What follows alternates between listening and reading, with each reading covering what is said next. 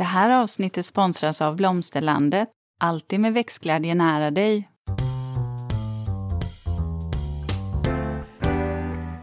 Välkommen till Ulrika och Lindas trädgårdspodd och det är jag som är Linda Kjellén, trädgårdsmästare. Och det är jag som är Ulrika Levin, trädgårdsdesigner. Och idag, kära lyssnare, så ska vi faktiskt prata om naturalistisk trädgårdsdesign. Och här, det är någonting som ligger mig varmt om hjärtat. Men det finns också olika kanske definitioner som vi kommer gå igenom senare. För det kan vara ett begrepp som kan vara lite klurigt kanske att förstå. Så vi ska bena ut det. Mm. Mm, eller hur? Ja, jag, jag vet, så här, det här avsnittet ska jag också säga att det här kommer ju du vara den drivande i det här avsnittet.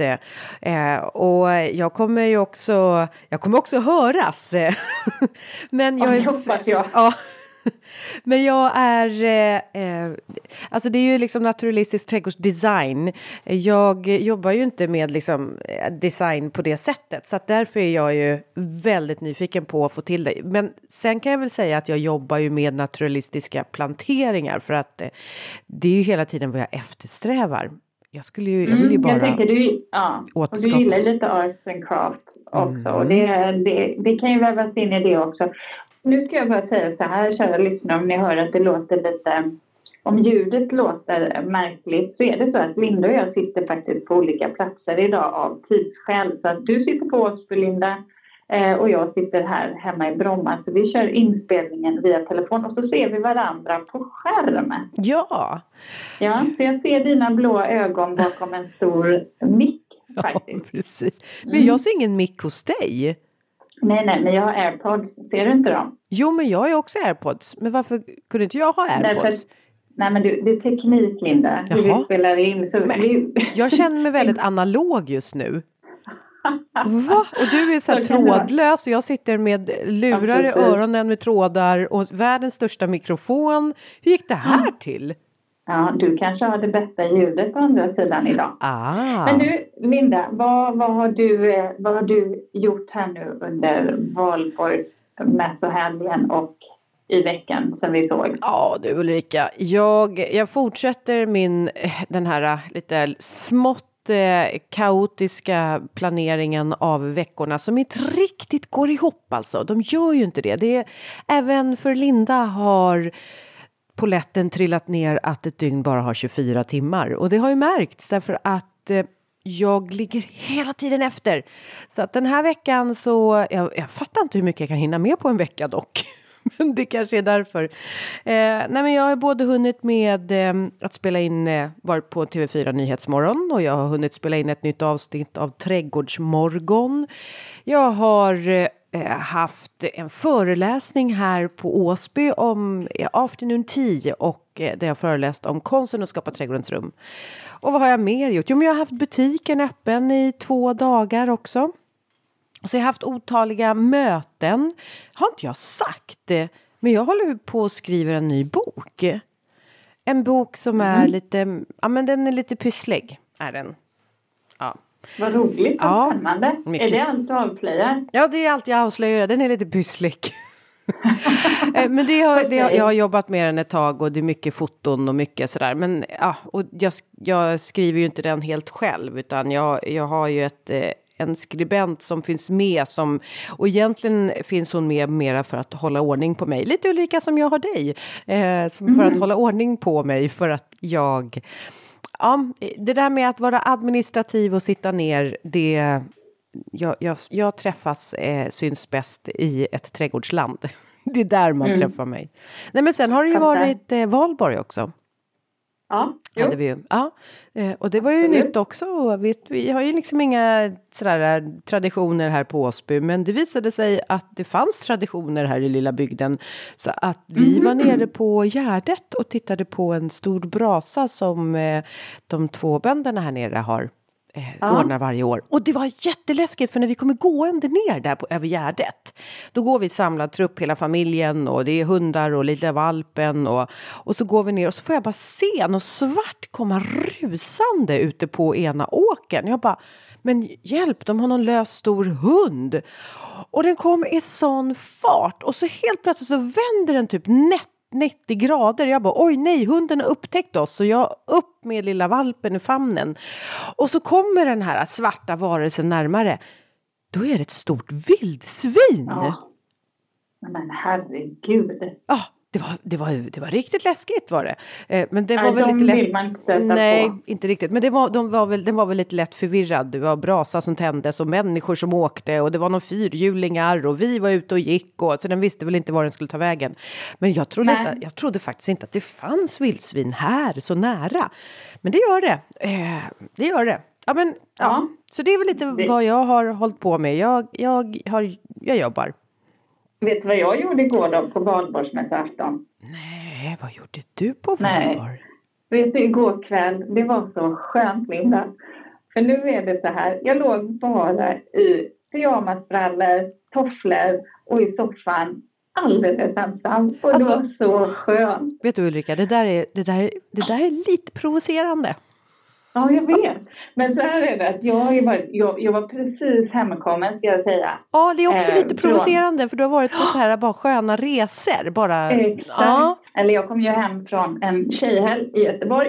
Eh, så att det var ju fantastiskt roligt och då är man lite, då är man lite trött. Ja. Så här. Jag fattar eh, Ulrika. Ja, ja och jag... maken jobbade dygn och tjejerna skulle iväg med kompisar där. Så det, äh, det var fantastiskt. Och sen har jag varit där i Berlin däremellan. Så att det, var ju också, det har varit mycket resa. Mm. Så det har varit skönt att komma hem. Det har också varit många nya kundmöten och um, med nya projekt som ska igång och mycket leveranser som alltid den här tiden på året. Det är ju april, maj är ju som en sån här... Eh, Då ska det ja, ut, det du har suttit och verkt ja, fram på. Ja, det blir alltid väldigt mycket för då drar alla projekt igång. Och, ja, det är en intensiv period. Mm. Eh, så, så jag har haft både i och för sig återkoppling och haft väldigt roligt. Eh, eh, och sen mycket jobb.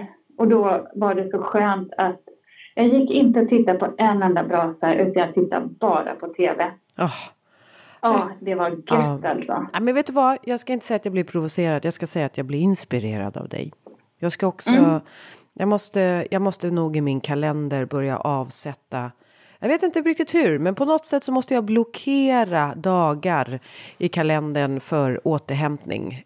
Jag, jag, och roliga men, saker. Ja, exakt. Och roliga, roliga saker. saker. Ja, nu gör jag så det, mycket roligt hela tiden när jag jobbar, men... Äh, men det är inte samma sak. Det, ska, det tycker jag. Där ska, man måste dra en gräns ja. mellan vad som är roligt i jobbet och vad som är roligt privat. Ja, framförallt Den, prestation och icke-prestation. Ja, för man är inte sitt jobb, Linda. Det, det tycker jag. Det, det, är en viktig lärdom att äh, ta in. Man kan vara hur intresserad och engagerad som helst i sitt jobb, absolut. Men... Gud, det där var en liten stor fråga. Vem är man då? Ja, den, den kan jag tycka att jag har brottats med också. Det är, det är ju lite det när man har ett jobb som man faktiskt brinner för eller som man tycker är kul, ska jag väl säga, som man tycker är roligt. Det är väldigt, väldigt lätt att man eller jag har haft ganska lätt att gå upp i det. Men du, det är en annan fråga. Det är en annan Ska fråga. Det är en annan fråga. Precis. Ja. Ja, nu eh, kände jag att nu ja, du... var jag på väg bort. Det är lätt att dras in i filosofiska ja. frågor med dig Ulrika. Ja, uh, nej, för, för du... I det mesta tycker jag. Vi dras in nu. Vi slutar ju aldrig prata när vi väl börjar. Ja. Exakt. Men du, avsnitt 133, ja. naturalistisk trädgårdsdesign. Du, eh, vad innebär en naturalistisk trädgårdsdesign och landskapsplanering? Mm. Och då kan man ju säga att det finns olika infallsvinklar där. För att dels har vi det estetiska perspektivet. Mm. Och det är väl, eh, kan bäst beskrivas som att man använder förädlade växter, det vill säga vanliga perenner och sedan så skapar man eh, en plantering som har ett utseende som påminner om naturen.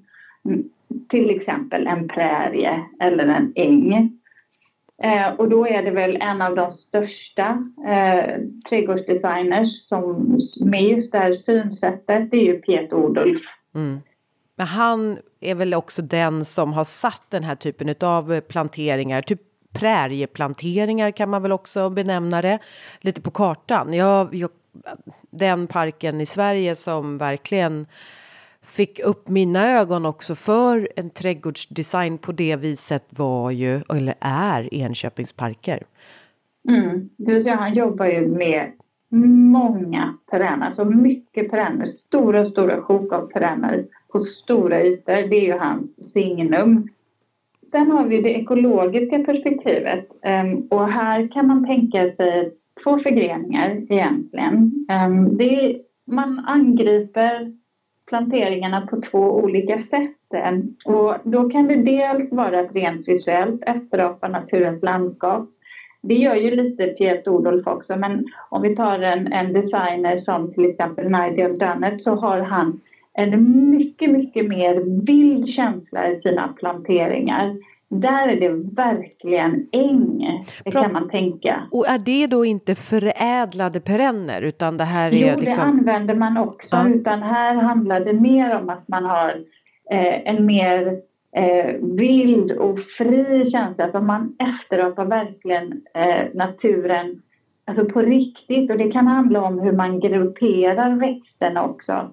Som om du tänker en äng till exempel mm. eh, så är det ju så att då har ju ofta vissa, vissa blommor har ju fröt av sig så då kan du ha alltså stora sammanhängande sjok av bara en sort. Mm. Men sedan så har de liksom spridits ut för ju längre bort från det här stora sjoket så finns det ju flera så är det liksom lite mer glest mellan blommorna så kommer andra sorter in. Mer, mer naturligt skulle jag vilja säga att man har det. det. Det har en vildare karaktär. Men sen har man ju nästa, den andra, det andra angreppssättet.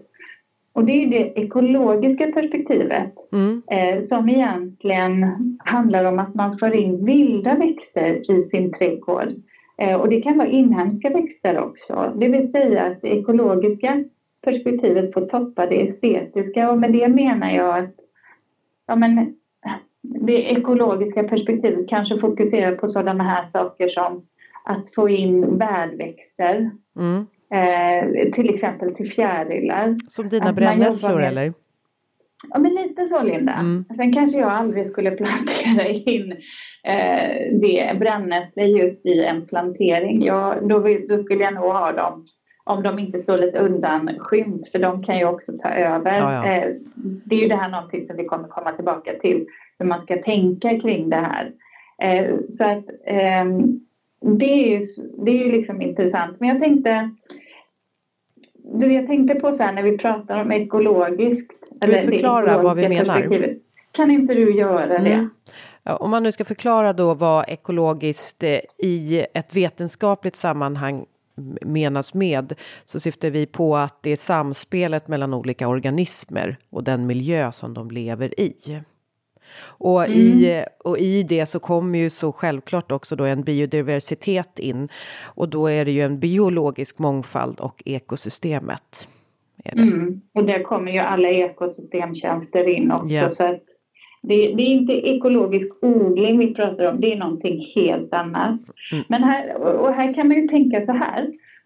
Eh, bara för att, ge, för att illustrera ett exempel. Nu pratar vi om prärie vi pratar om äng och det är väl det man först ser framför sig när man tänker naturalistisk plantering. Det är ganska torrt läge då va? Ja, mm, gassan, ja det eller, kan det ju vara. Precis, ett öppet torrt vara. läge eller? Ja, alltså jag, om jag... det inte är våt, våtmark till exempel. Det Nej. finns ju ängar där med. Mm, men, mm. men en skog eller en lundmiljö är ju också eh, en, alltså en del av naturen så att du kan ju absolut skapa skapa en naturalistisk plantering i en sådan miljö. Så man ska inte bara låsa sig vid att man eh, tänker att det måste vara en prärie eller en äng. För en del av det här naturalistiska eh, synsättet är ju att man ska jobba med växter i olika sjok eh, eller i olika nivåer. Mm. För att det handlar ju om så här, om du tänker i naturen, om du har gjort en plantering på ena sidan så har du 20 perenner där. Och så skulle du ha en äng på andra sidan din trädgårdsgång till exempel. Mm. Då kan jag garantera att du har tio gånger så många växter på ängen som du har i din plantering, din gjorda, anlagda plantering. Biodiversiteten är så mycket större i naturliga miljöer än de vi skapar, de som är man-made så att säga. Mm. Och det är väl någonstans här eh, det man har kommit på att man försöker efterapa nu, att man ser att det finns många fördelar genom att jobba på det här sättet. Mm. Mm. Att, man, ja, att man inte har jag menar, en monokultur, typ. Ja, och sen så att man kanske ser att att man kanske både då sätter växterna tätare. Det har jag ju tjatat om så många gånger, vet just det här med CC-avstånd och att jag tycker att man ska sätta växter ganska...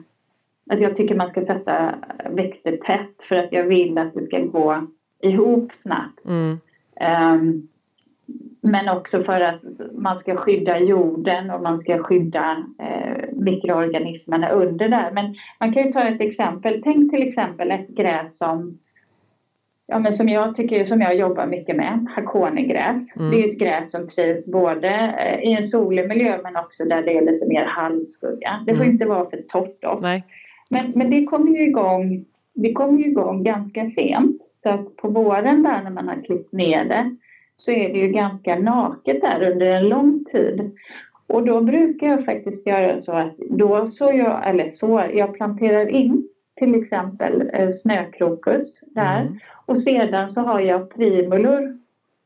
Olika typer av primula som kanske blommar i mars, april eller i april, maj som, som senast. De här kommer ju då vissna ner eh, sen. Mm, När gräset kommer så försvinner ju de. Bladrosetterna kommer ju finnas kvar men blommorna har ju vuxit över och så, så kan det ju funka. Mm. Alltså det kan man göra. Och där behöver man ju då tänka lite på när man gör den här, när man ska ha en väldigt, väldigt tät plantering, att man jobbar med olika typer av växter som har olika växtsätt, det vill säga har den en bladrosett längst ner eller har den blad på hela skälken? För det kan ju bero på om du till exempel har planterat in rölleka i en plantering och sedan så har du tänkt att nu ska jag ha en skabiosa som bara har en liten bladrosett längst ner och sen en väldigt hög blomstängel. Då kommer ju den få svårt att komma upp där i slutet, alltså in i augusti, september. Eh, då hade det varit bättre att ha en bladrosettblomma eller perenn som växer, som hade blommat tidigt som en primula istället och sen hade rölleka kommit mm, mm. som då har, har eh, blad på hela skälken. Så, så där kan man också tänka. Mm. Det vill säga att man i en naturalistisk trädgårdsdesign så tänker man mycket på lager, mm. olika växtlager, men man tänker också på fenologi eh, faktiskt. Men olika växtlager, du tänk, då är det ju inte så här rent eh, Eh, att de att man planterar en som är lågväxande mellan hög och hög perenn utan mera hur de liksom växer och, och dör, höll jag på att säga, på säsongen ja, och när annat exakt. tar vid och dör och så tar nästa vid eller vissnar ner ska jag väl säga. Precis, eh, mera precis. den. Mm. Ja, och det är ju det som, det är, det som är fenologi, det vill mm. säga biologiska livscykler hur, hur naturen förändras under året. Mm. Och då behöver man ju, här behöver man ju då som trädgårdsägare eller som designer ha koll på hur olika växter beter sig. Eh, alltså dels utseendet, för, för det är ju viktigt, men också hur de växer när bladverket växer till, när blomman kommer. Det är många aspekter där som man behöver ta in. Och sen så behöver man nästan man behöver nästan fundera på det, Linda, som i form av ett schema. När, vad händer med vad med de olika växterna? Mm. Um, men, och ett, ja. ja.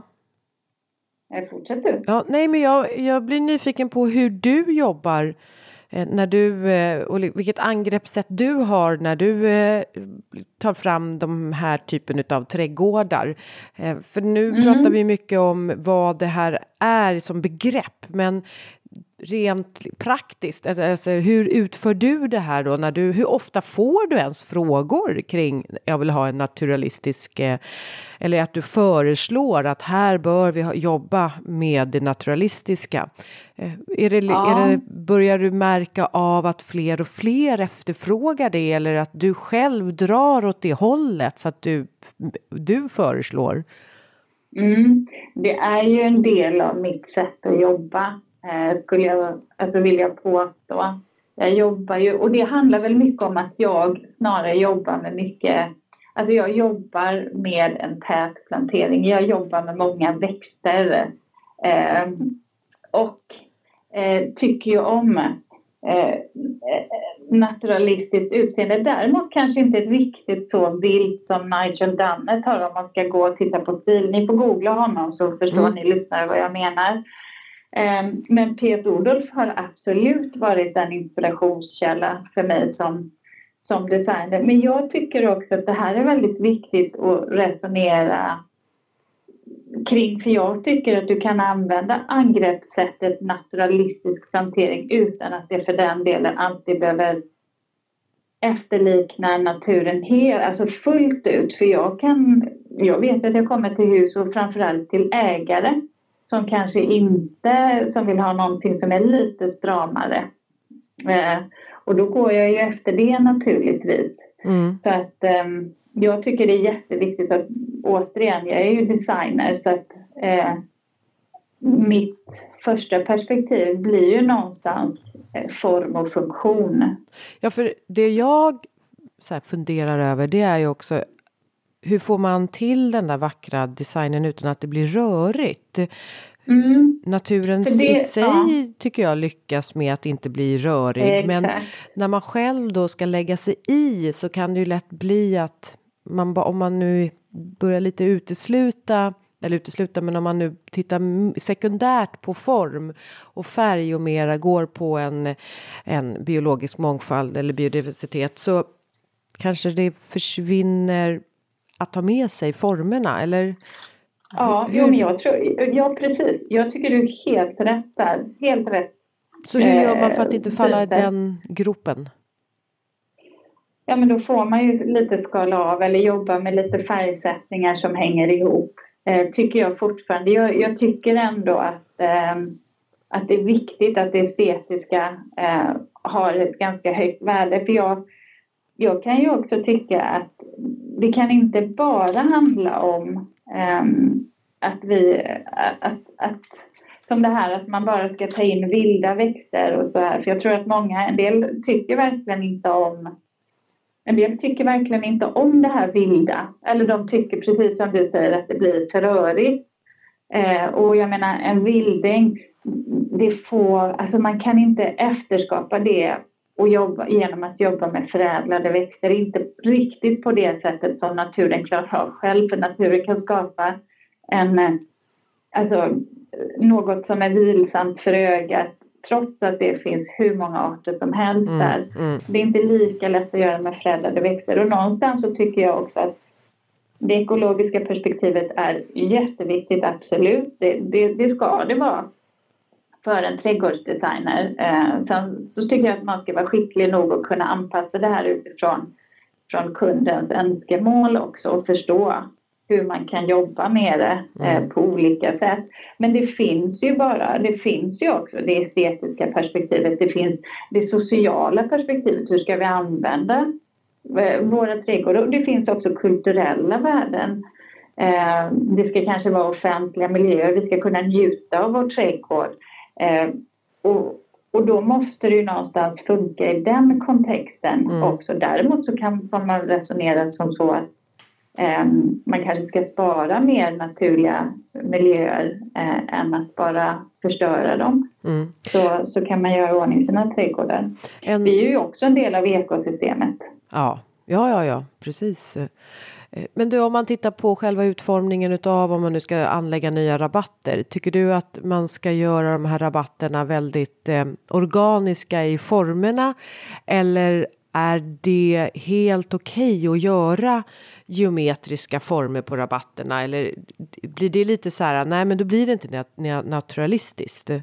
Ska man gå hela vägen mm. ner med till med utformningen utav rabatterna?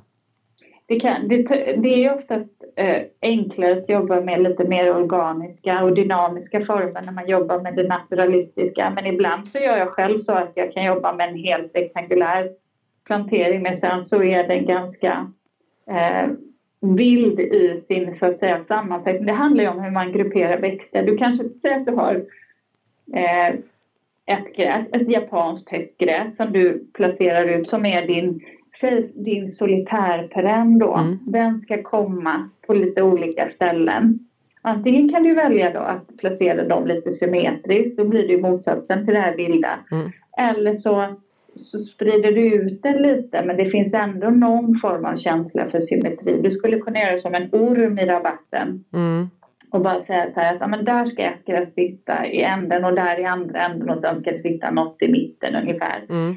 Men sedan då så kanske dina andra, säg att du har då fem perenner som du vill som är dina vävarperenner. Då kan du välja att sätta dem. Det? Vävarperenner. Ja. Säg att du vill ha några såna, som är lite Skira. där du ska ha lite större sjok. Mm. Ja, så att säga. Så där du ska ha lite större sjok. Då kan du välja att sätta dem eh, i olika sjok och där kan du välja att springa in lite andra kanske upprättväxande perenner och sådär som får komma mitt i dem. Som, och då sitter de här upprättväxande perennerna då sitter de kanske bara en och en, mm. liksom utduttat i de här vävarväxterna. Eller så låter du vävarväxterna kanske sitta i en grupp om tio och sedan så har du bara tre lite längre bort. Av upprättväxande man, eller vad? Nej, utan av de ja, vävande? Ja, de här vävarväxterna mm. då. Eh, eller man kan bara säga vilken perenn som helst men man kan jobba så genom att att gruppera dem, det gör vi oftast nu i stora sjok. Du vet, i vanlig plantering så grupperar man ju sina perenner. Men det kan du ju också jobba med stora sjok där du har grupperat en perenn. Men sedan låter du andra växter bara komma upp som enstaka solitärer. Det är ett sätt att få en lite mer eh, vild eh, känsla. Och så kan det komma tillbaka så att man inte sätter sju perenner här och så sätter du sju perenner lite längre bort och sen så kommer det tolv av samma sort där och tolv på andra sidan. Ungefär som en klassisk lång perennarabatt då. Typ engelsk trädgård. Mm. Eh, utan det är någonting helt annat då. Mm. Men jag tycker också att det är viktigt att tänka på att fortfarande så ska ju en plantering vara intressant året om. Så att jag brukar ju alltid eh, försöka att blanda in buskar och träd också. Eh, jag kan tycka det är viktigt. Sen är det klart, har man en stor, ska man jobba med en prärielik plantering där du har perenner med mycket sol, då vill du inte alltid få in, få in skuggan naturligtvis och du vill inte få in eh, Ehm, konkurrensen, rotkonkurrensen från trädet. Så det får man ju tänka på. Men jag tycker i det som har varit mycket nu när man har jobbat med de här stora perennaplanteringarna. Jag tycker också att man ska komma ihåg de här buskarna och träden. Eh, det kan gärna vara formklippt också som får kontrastera mot det här lite yviga. Mm. Um, jag kan tycka dels tror jag att det är viktigt för mykorrhizan som vi har pratat så mycket om här nu i, i flera avsnitt. Mm. Att vi får in det. Um, och sedan också för att de helt enkelt binder ganska mycket kol. Eh, så att jag har alltid jobbat så att i naturalistiska planteringar att jag också får in träd och buskar. Mm. Faktiskt. Ja, det handlar inte bara om det som händer ovan jord, det vi ser, Nej. utan det som är under ja. jorden såklart. Men och du... Sen vill jag verkligen... Ja, ja förlåt. Nej. Alltså, du vill verkligen, du låter det som att du ska jo, säga det här. Jag vill verkligen poängtera att en naturalistisk trädgård återigen verkligen är motsatsen till en rörig trädgård. Eh, och det är verkligen också så att allt ska inte vara äng utan man kan jobba på det här på så många olika sätt. Mm. Eh, du... faktiskt. Men det är en mer naturlik. Mm. Det är det, för det ligger i själva konceptet. Linda, visst är vi stolta över att ha en sponsor till dagens avsnitt? Ja, och det är Blomsterlandet. En trädgårdsbutik nära dig med butiker över hela landet och en e-handel som är öppen dygnet runt. Välkommen! Ja, du, det är, jag fick faktiskt senast nu i helgen en fråga av en besökare här på gården som ville mm, göra en äng i sig på sitt landställe på gräsmattan. Och de hade en robotgräsmatt eller robotgräsklippare som gick där. Och det är alltid mm. den där liksom klassiska frågan eller klassiska tänket att man är så här, ja men vi, låter, vi, vi strör ut lite ängsfröer så blir det väl en äng. Men det är ju verkligen inte så enkelt. Har man en gräsmatta som är kompakt med en gräsvål, det går inte att bara strö ut eh, lite fröer från ängsfröer för att det ska bli en äng. Det kommer, all, det, det, kommer inte etablera sig utan här måste man, för, för det första så trivs eh, ängsfröer i näringsfattig väldränerad jord men näringsfattigt. Och har man en gräsmatta så är den ganska fylld med mycket kväve. Mm. Och bara där har man inte alls rätt växtförutsättningar på det eller rätt förutsättningar när det gäller till eh, ståndort kan man säga. Och, mm.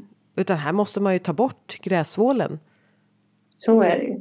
Och det här, nu är ju det så att säga att anlägga en äng är ju egentligen något helt annat än att jobba med en naturalistisk Trädgård. eh, trädgårds... Ja, På vilket sätt då? då? Om vi ska säga så. Vad sa du? På vilket sätt då? Att det är ingen design utan det bara är en äng? Nej, alltså du jobbar ju med örter, eh, olika typer av örter som passar i, i, i ängsmiljö eller lundmiljö. Och det är ju till skillnad från eh, när, och vilket man naturligtvis kan jobba med också, det är väl också en form av det är ju att återskapa natur egentligen. Naturalistisk trädgårdsdesign handlar ju snarare om att sätta ihop eh, vilda eller perenna växter. Förädlade sorter. Eh, precis. Sen är det ju det att det är många som... Det finns ju eh, också de som förespråkar att man ska ta in vilda växter i det här. Eh, vilket naturligtvis också då kan främja den biologiska eh, mångfalden. Det vill säga att man tar in vilda inhemska växter. Mm. Samtidigt så är ju det också ibland lite en fråga om eh, hur de här vilda växterna beter sig. För det kan ju innebära att de kan konkurrera ut vissa andra växter. Ibland kan de vilda växterna få svårt att, att så att säga eh, hävda sig i förhållande till förädlade perenner. Mm, mm. Um, och, och, jag jobbar ofta så att när jag jobbar i naturalistiska uh, med större naturalistiska perennplanteringar, när vi pratar mycket, många perenner mm. på en yta, så undviker jag um, perenner som har en tendens att sprida sig helt ohämmat. Som mm. om du tänker dig ja, en silvrig höstanemon som kan ta över en rabatt om man inte håller den i schack. Just det. Eh, Medan däremot så kan jag ibland jobba med perenner som får fröså sig självt. Mm. Som får dyka upp lite varstans sen. Finns daggkåpan eh, med där? Nej, den kåpan är jag försiktig med att använda nu mm, i och med att den ligger också på risklistan för att bli mm. invasiv. I så fall så brukar jag ofta jobba med silkesdaggkåpan. Det var därför jag sa det, för just daggkåpan är ju en, ändå en ja. förädlad växt men som har helt eh, gått bananas. Precis, så att där får man ju också titta. Det är också en aspekt att, att, att tänka på. Men det, det finns ju andra som trädgårdsnattviol som till exempel som gärna kan frösa sig och som, som jag eh, kan gilla. Mm. Digitalisen är väl också en sån. Ja, vi ska väl komma sen, in på olika sorter va? Ja, Växtförslag. det jag väl säga i samband med det just när man tittar på de här ta in vilda växter. Sen är det väl som alltid det här när vi håller på att lära oss saker och ting om hur naturen fungerar så är det ju så att en del hävdar ju också att föra in förädlade växter att det ökar den biologiska mångfalden. Um, och, och um, det kan ju vara både och där. Det man ska tänka på är väl att våra inhemska insekter och småfåglar de är ju gjorda för att hitta mat på våra, våra inhemska växter. Mm. Eh, och då är det framförallt värdväxter som är viktiga, det vill säga fjärilar när de är i larvstadiet. Vad mm. äter de då? Ehm, så där tänker jag att det kan man ju få in, om man inte kan få in det i den planteringen så kan man få in den i trädgården på något annat sätt. Mm, mm. Ehm, det visade ju också småfåglar trivs ju till exempel, våra svenska småfåglar de gillar ju egentligen svenska träd. inhemska träd till skillnad från exoter. Det är jättespännande eh. att det är så. Ja, som bok och ek och, mm. och björk. Mm. Det, de undviker faktiskt att bygga bo och lägga ägg i i exoter. De är mindre benägna och det har att göra med att de kanske inte tycker att den föda de behöver finns i de träden. Det. Men det är intressant. Mm, mm. Det är också ett perspektiv. Ja. Eh, en passus där bara. Vet du vad som är roligt i naturalistisk plantering också? Nej, Linda, som jag tror att du kommer gilla. Aha, ja.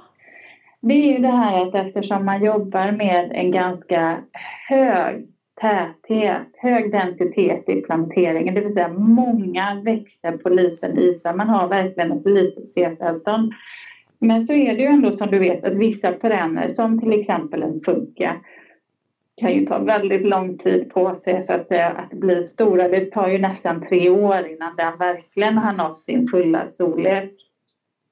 Och då är det också så att eh, många gånger så kan man också välja att jobba med ettåriga eller tvååriga växter för att täcka de ytorna där man vet att perennerna eh, tar lite längre tid på sig att komma. Ja. Och då får man ju vara medveten om att det är klart att då får inte de ettåriga växterna konkurrera ut de här stackars perennerna som kommer. Så det gäller ju då att man väljer rätt. Eh, men det är också ett sätt att jobba eller att blanda in det eller att se vissa perenner som ettåriga som Eh, eller i varje fall inte fleråriga som echinaceen, mm. solhatten där va? Solhatten ja. Ja, eh, som har en tendens, den är inte så långlivad. Då kan man ibland om den har gått ut, ja då kanske du, eller du bara har några enstaka, antingen så får du plantera in nytt eller så kan du också så någonting annat. Mm. Sommarrudbecka kanske? Ja, mm. precis. Så kan man också jobba det det handlar om är ju att det ska bli så lite skötsel som möjligt egentligen. Det är det som är tanken med den här höga densiteten av plantor. Mm. Så det, det, är inte meningen att man ska behöva på, alltså att man ska hålla på och gödsla och rensa och sköta om det. Nej, det ska bli eh, själv, de ska själv vad säger man, försörjande på egen, egen växtkraft. Så. Men det, vet du vad jag har tänkt på? Jag var på en föreläsning faktiskt med, med just Dunnett här. Det var ju så roligt just med tanke på att när jag gjorde schemat för det här året, förra ja. året i oktober, november där och funderade och så såg jag att då kom han till Stockholm faktiskt tänkte jag det är klart att jag måste gå och lyssna på honom då. Ja.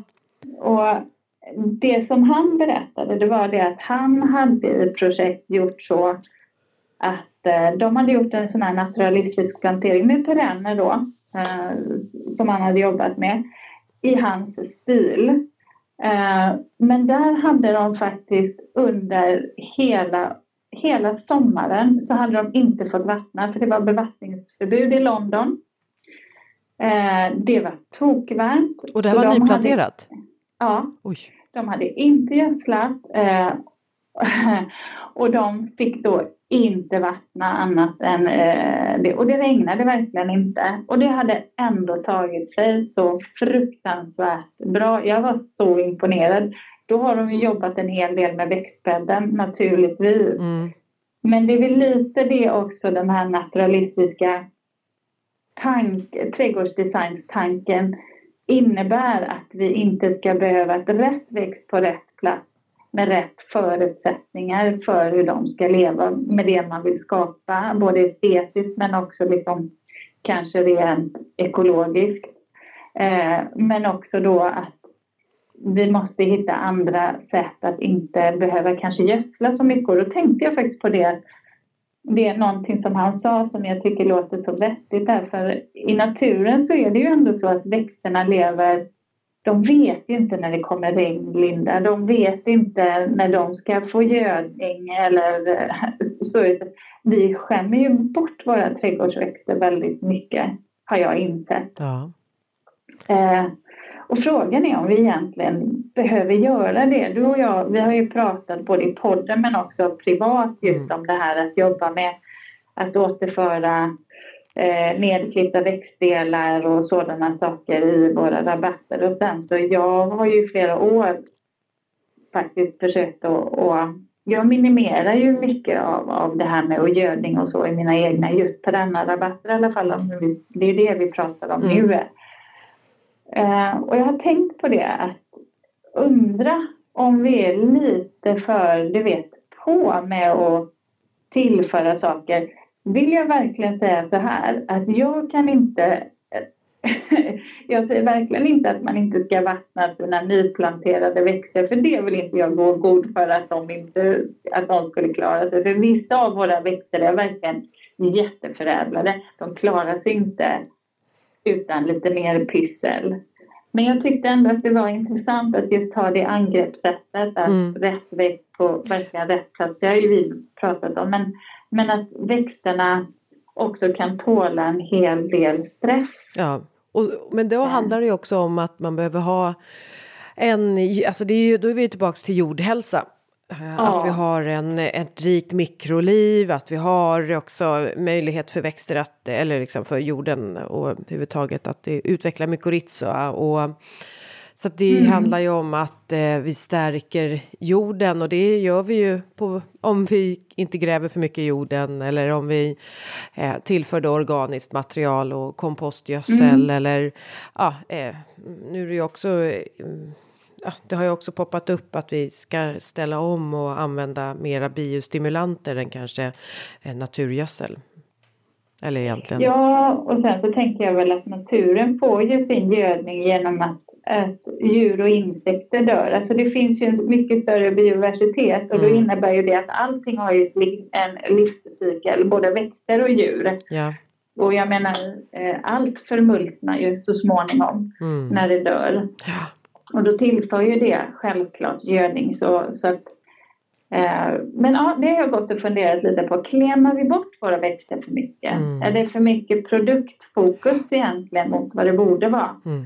Eller kan vi ha vi ekosystemtjänster i våra egna trädgårdar som ja, men det vi skulle kunna jobba med? När vi jobbar så mycket och som vi säger som du säger då klämma bort dem så ger vi ju inte heller växterna en chans till att visa vad de egentligen går för eftersom vi, vi på något sätt håller dem vid liv, kanske där de egentligen inte skulle klara sig. Eh, så Exakt. att gör man ett sånt test och är så pass, eller test, men man är tvingad till, då kommer det ju helt naturligt bli så att växter som inte fixar den här platsen, de mm. kommer att utgå och sen kommer de växterna som trivs eh, bre ut sig mm. Eh, och ta mer plats. Ja, och sen beror det ju som sagt lite på, det är inte så att vi påstår att man nu ska ha kvickrot i hela trädgården. Det är Nej. inte det vi säger. Inte alls så. Men ja, jag tror att just det där att, att verkligen fundera på hur, hur mycket man behöver och mm. ja, som i vår semesterträdgård i Skåne, det är inte mycket gödsel där och då har vi ändå en ganska kraftig sandjord. Det är nedklipp, ja. nedklippta växtdelar och eh, sen blir det lite kogödsel för att annars så kommer allt klipp blåsa bort. Mm, mm. Men det blåser ju alltid i Skåne, i ja. havet. Ja, så och, sen, och så behöver man ju, ja, då kan man ju hjälpa till och stärka då så att maskarna ja. så men, slingrar upp ur jorden och drar ner ja. sig. Mm.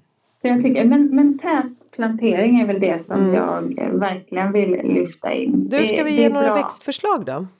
Ja, absolut. Mm. Det tycker jag. Ska inte du börja? För nu känner jag att jag har pratat jag behöver hela vila. tiden. Ja, men det, det har vi redan förvarnat lyssnarna om att det här kommer bli Ulrikas oh. avsnitt. Ja, precis. Jag vaknade upp med världens halsont idag också. Men det kanske man får när man har varit och pratat jag vet kan, inte. Kan vara så. Kan vara så. så. Ja.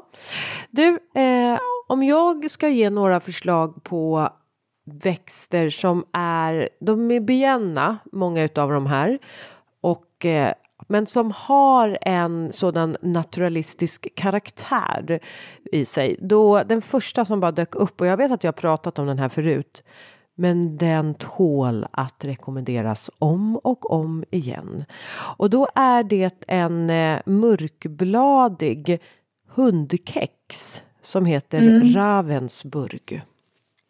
Mm, den, mm, den, trivs i halvskugga och då när jag säger mörkbladig då är det alltså, den tänker hundkexens lite så här äh, blad som är, de är lite tandade, de är väl liksom flikiga.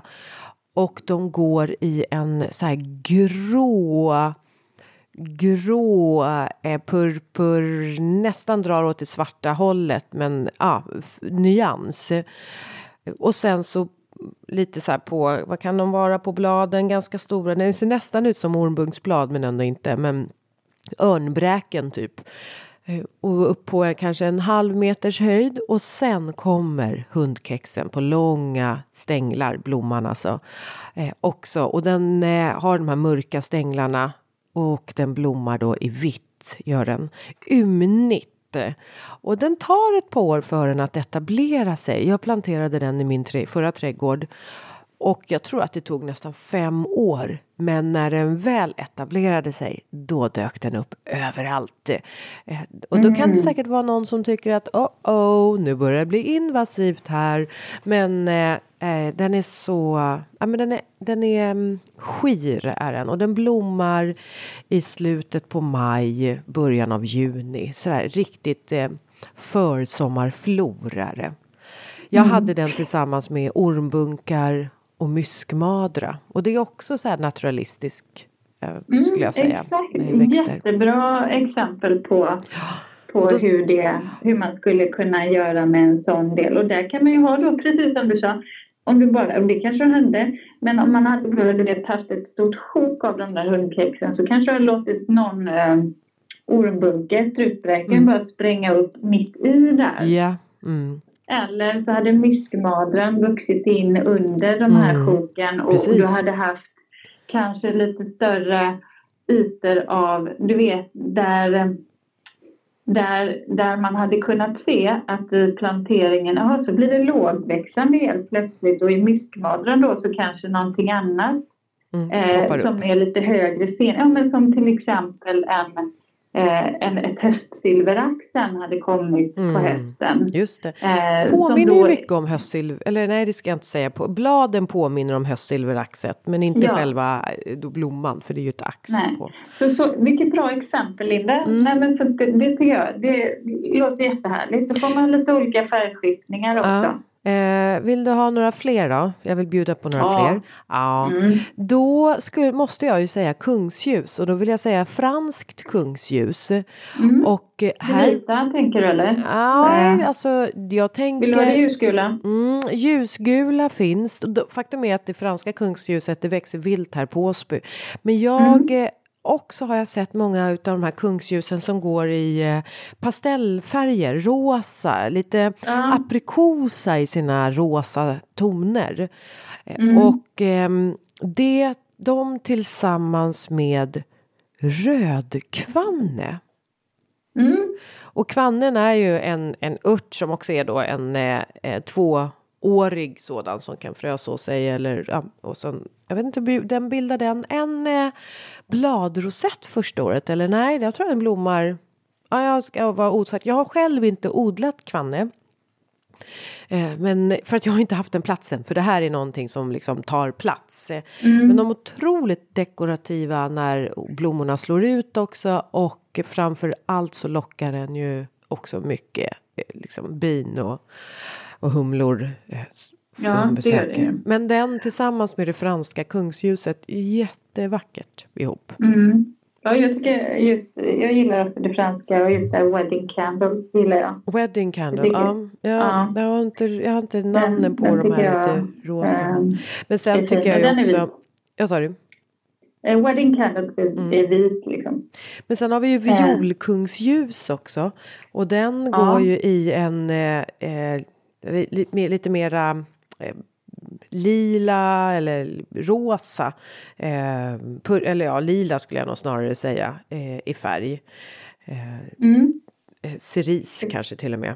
Ja, jag också. tror att det finns en vit sort Jo, det gör också. också. Eh, den, den finns mm. i både liksom, det är väl egentligen lax och det kanske är faktiskt den jag menar, violkungsljuset som jag tycker är så himla... Flush white. Ja. Jag vet, jag har nämligen haft den i en idéträdgård en gång. Ah. Den är jättesöt, ja. väldigt så här romantisk skulle jag vilja säga. Ja, precis. Men det mm. är, mm. ja, den är, åh, den är så, den är den som finns i de här laxrosa tonerna. Mm. Och sen måste jag ju också säga, och den har du redan nämnt, men det är ju fingerborgsblomman. Mm.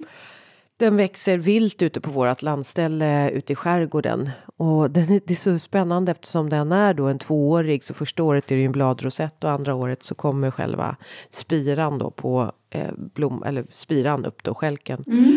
Och mm, det är så tydligt att den är bejämn därför att varannat år har vi en blomning som är alltså hela alltså bergen på hela ön bara står i full blom. Och mm. vartannat år så är det ganska ja, eh, lite blommor ute på ön så att det är eh, ja, det är så tydligt. Man ser det där ute för det är inte så mycket annat som blommar, men just de åren när fingerborgsblomman blommar så är det när den har optimala förutsättningar. Det är ju spännande att se. Då mm. vet man ju antingen så har det varit lite för torrt kanske eller så. Ja men så tänker jag också ja, på det, året som den plant... Ja men jag tänker också på så här lite, ja för det, den har ju blivit implanterad så jag tänker att det året den planterades in, det måste ju vara det året, alltså så här, vartannat år tillbaks när den hade den här bladrosetten. Så att jag tycker att det är, mm. ja. Så mm, de har jag, ja, de har mm. jag mm. som förslag mm. på naturalistiska växter som är tvååriga. Ja, Eller ettåriga. jag vet inte, jag, jag kände så här, ska jag börja så jag tycker allt kan ju kombineras höll jag på att säga. Men självklart är gräs, mm. olika typer av gräs. Mm. De japanska gräsen är ju de höga. Också hakonegräset som jag nämnde. Jag älskar glansälväxting. Silverfrilet tycker jag är ett fantastiskt gräs om du vill ha någonting kanske i sol, lite mer halvskugga, lite mer lundmiljö. Det kan vara jättefint också till eh, bollök eller om du har till exempel en kaukasisk fetmegi, sånt som blommar lite tidigare. Eh, de ser väldigt eh, naturlika ut. Tuvtåtel, Goldschleier till exempel med en salvia, en mörkare salvia som caradonna. Eh, kan vara jättefin. Eh, trädgårdsnattfiolen tycker jag om. Mm. Blodtoppen, rölliken, temynta. Det finns så många sorter att välja mellan. Vad är det tycker Därför... du som är karaktäristiskt då för en eh, växt som är naturalistisk? Alltså man säger så här, ja. alltså det känns ju som mm. att eh, en dahlia är inte naturalistisk, eller? Nej, den hade, nej, men den hade gått bort. Och vad är det den då? Vad är det som gör att, man, att du och jag ser på en gång att eh, det här är en typisk naturalistisk? Alltså hur ska vi få eh, för den är mer, Ja, för den är mer dramatisk. Den, den ser odlad ut. En hortensia skulle jag ju också säga, det, det är ju anti... Alltså det är ju motsatsen till den naturalistiska planteringen. Um, jag tycker att de... Är de för fina? Det, det är för mycket blomma. Och det, det, ser ut, det är för stort. Det är för liksom... Bräket är fel att säga, men du kan inte hitta någonting liknande i naturen. Uh, så att där skulle jag vilja se att de här som är... Det kan vara högresta perenner, de kan vara ganska maffiga. Men blommorna är oftast kanske lite skirare. Och inte så här vrålstora. De kan inte vara som en tallriksdahlia som kan vara typ 20 centimeter i diameter. Så, en sån blomma ser du ju inte. Ja, det kanske finns i Amazonas djungel, jag kan inte säga det. Men, men jag menar svensk äng, nej det, det gör det ju inte. Så jag, och jag, för mig så handlar det väl mycket om att väva samman, väva samman gräs och få det här lite yviga eh, formspråket i naturalistisk plantering. Men sen gillar jag att få upp höjd i form av solitärbuskar och träd eller formklippt.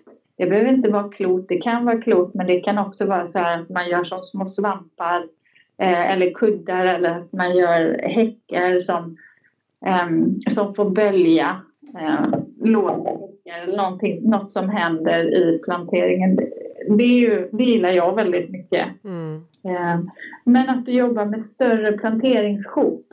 Att du har som en, en miljö. Att den är tillräckligt stor också kan jag tycka. Så att det inte bara blir en rabatt som kanske är säg 1,2 meter bred och 4 meter lång. Det går att göra en naturalistisk plantering i den också men du vet då kanske jag, jag tar, tar oftast i mm. När jag pratar om, om växtlighet. Mm. Ja, mm. ska, ja. Vi, ska vi avrunda? Ja? Det, jag tror att vi har nått till eh, jag ska inte säga vägs ände här men eh, i alla fall manusets ände. Jo, för det här ände. Avsnittet. Ja, precis. Ja. Mm. Så att, äh, mm. ja, men jag, jag är ju helt klart en, en fan av naturalistisk planteringar. Det är jag faktiskt. Ja, jag kan tycka att synsättet är ganska vänligt, mjukt. Ja, mm. precis. Jag tror att vi också ögat uppskattar det. Men som sagt Jag tror det ligger rätt i tiden. Ja, absolut. Absolut. Mm. vi behöver jobba med lite fler växter. Vi behöver så att säga Framförallt så behöver, alltså finns det någon trädgårdsägare som tycker det är en nackdel att få eh, en trädgård som, som i stort och mycket sköter sig själv och som inte årligen kostar massor med pengar. Nej, precis. Nej, nej. nej tror jag inte heller. Du, ja. eh, låt höra. Vad har du att reflektera över? Ja, ja vet du vad? Jag skulle faktiskt vilja göra ett upprop, Linda. Jaha. Um, för så här, vi var ju inne lite på Peter Odulf. Ja. Och som sagt jag har ju sagt, jag tycker verkligen om honom. Han är en stor designer eh, och en stor inspirationskälla. Så såg jag att han eh, får äran att göra ett jobb här till ett konstmuseum i Värna, Värnamo. Jaha. Och då tänkte jag, gud vad, vad roligt. Du vet, så här, 3500 kvadratmeter yta med bara perenner. Och samtidigt så kände jag så här att vet ni vad? Alla ni som har den här typen av projekt. Vi är otroligt många duktiga trädgårdsdesigner och landskapsarkitekter i Sverige eh, som skulle älska att få chansen att göra den här typen av uppdrag. Så jag tänker att man kanske också kan fundera lite mer lokalt, inte bara när det gäller växter och inköp av växter utan att man också kanske kan eh, låta fler av våra inhemska designers få, få möjlighet att skapa eh, och inte bara de här stora, stora namnen som, som gör fantastiska grejer över hela världen. Jag fattar ju att det finns ett tänk också naturligtvis. Ja det är väl klart att det är lite så här, han är en, en profil som då ja, kommer locka. Ja och det, det, vi pratar ett konstmuseum, det finns ju så att det är inte så att jag är Men man borde ju ha lite mera, nej, men fast man, jag tänker så här eftersom det, vi vet ju att det finns så vansinnigt många skickliga just eh, designers att man, eh, men, men för att de ska... Som hade kunnat klarat av den ja. stilen också om det var det man vill vara ute efter så men jag tycker att vi skulle ha, jag menar han har väl slagit igenom precis som andra stora designers genom att de har varit med och kanske ställt upp i sådana award winning eh, eh, ah, tävlingar internationella sådana och sen så. Men alltså jag tycker att vi borde ha lyfta lite mer sånt och kanske ha i Sverige också så att man. Eh... Jo, ja, och vet du vad jag tycker är lite konstigt också? För Ulla Molin är ju en stor profil ja. inom mitt gebit. Mm. Men eh, förlåt, det har fötts fler kvinnor eh, som är duktiga i det här, inom det här området efter henne. Eh, jag skulle bara önska att vi faktiskt blev eh, sedda också. Mm. För det kan omöjligt vara så att det bara är gamla gubbs. Och nu menar jag inte kvotering, för jag tycker är man duktig på någonting så ska man få göra det. Eh, oavsett så att säga genus. Eh, men det förvånar mig ibland att eh, är så få kvinnor som får möjlighet att göra den här stora de här stora Ja men att man inte zoomar ut de, utan att man har zoomat in och bara hmm, vi ja. upptäcker bara ett par stycken. Mm. Ja precis fast, ja, men... fast det finns en uppsjö att välja med. Så det skulle jag faktiskt vilja bara Ulrikas det, det finns många upprop. att välja på. Ja. ja. det finns många att välja på mm. som skulle älska att få göra ja. den här typen av projekt, ja. mig inkluderad. ja, eh, ja men, nej, men jag, jag, jag, håller med, jag håller med. Du, min reflektion den handlar om eh, och jag kan tycka, ja, så här, jag fick en liten eh, Ja, men det var en som lite mm, knackade mig på ryggen och gjorde mig uppmärksam på något som jag eh, var obetänksam på. Och det var jag, eh, jag menar, jag menar sociala medier och man ska lägga ut inlägg. Och då vet ju jag och många med mig att eh, för att få en bild att poppa i ett flöde så ska den vara väldigt vacker bildmässigt, en fint motiv.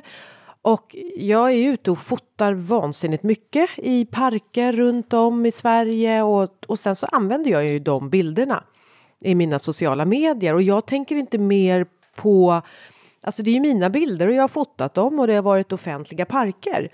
Så då gjorde jag det. Då gjorde jag ett inlägg här för någon månad sedan och eh, så blev jag eh, Ja men eh, de hörde av sig från den parken och sa det mm. vore ju faktiskt lite schysst om du också nämnde att eh, det här i fotot är taget i våran park. Eh, och jag hade inte en tanke på att jag skulle skriva det i inlägget. Eh, utan jag bara såg det som en vacker bild. Ja, sådär. Det var inte, jag hade inte lånat bilden från någon annan. Men visst, jag hade ju lånat motivet. Och, mm. Eh, och jag, men gud, jag tyckte det var pinsamt att jag inte hade tänkt på det. Att det var obetänksamt av mig att jag publicerade en bild på och liksom lite kanske en underton av eh, att jag tog cred för att det var en väldigt vacker bild så att det, det kunde tolkas som att det var jag som låg bakom arbetet i den här bilden. Fast egentligen kunde det nog inte det ändå. Därför Men det, att, det kändes väl orimligt för jag menar du, du har ju varit ganska tydlig med vad du gör. Ja. Det, om jag hade gjort det, ja. jag är alltid väldigt noggrann med om jag tar en bild på någon annans jobb för jag är designer så där blir det lite farligt om jag då är det ju väldigt lätt att tro att jag ja, hade precis. gjort det. Mm.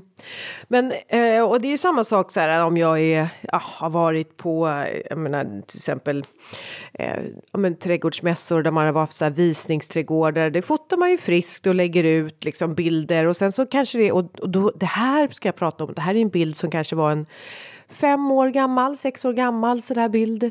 Men, eh, men då, det fick ändå mig att fundera på hur, hur mycket, för sen har det också varit en debatt av eh, så här, äh, växtråd när det finns stora profiler som har nischat sig på vissa växtslag och som då har då specifika växtråd kring det här.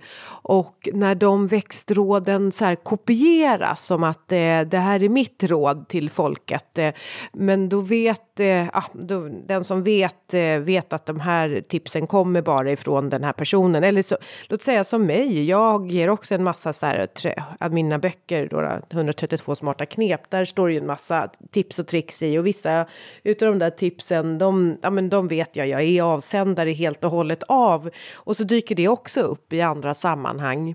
Hur till vilken gräns ska man hela tiden tacka eller credda och skriva ut?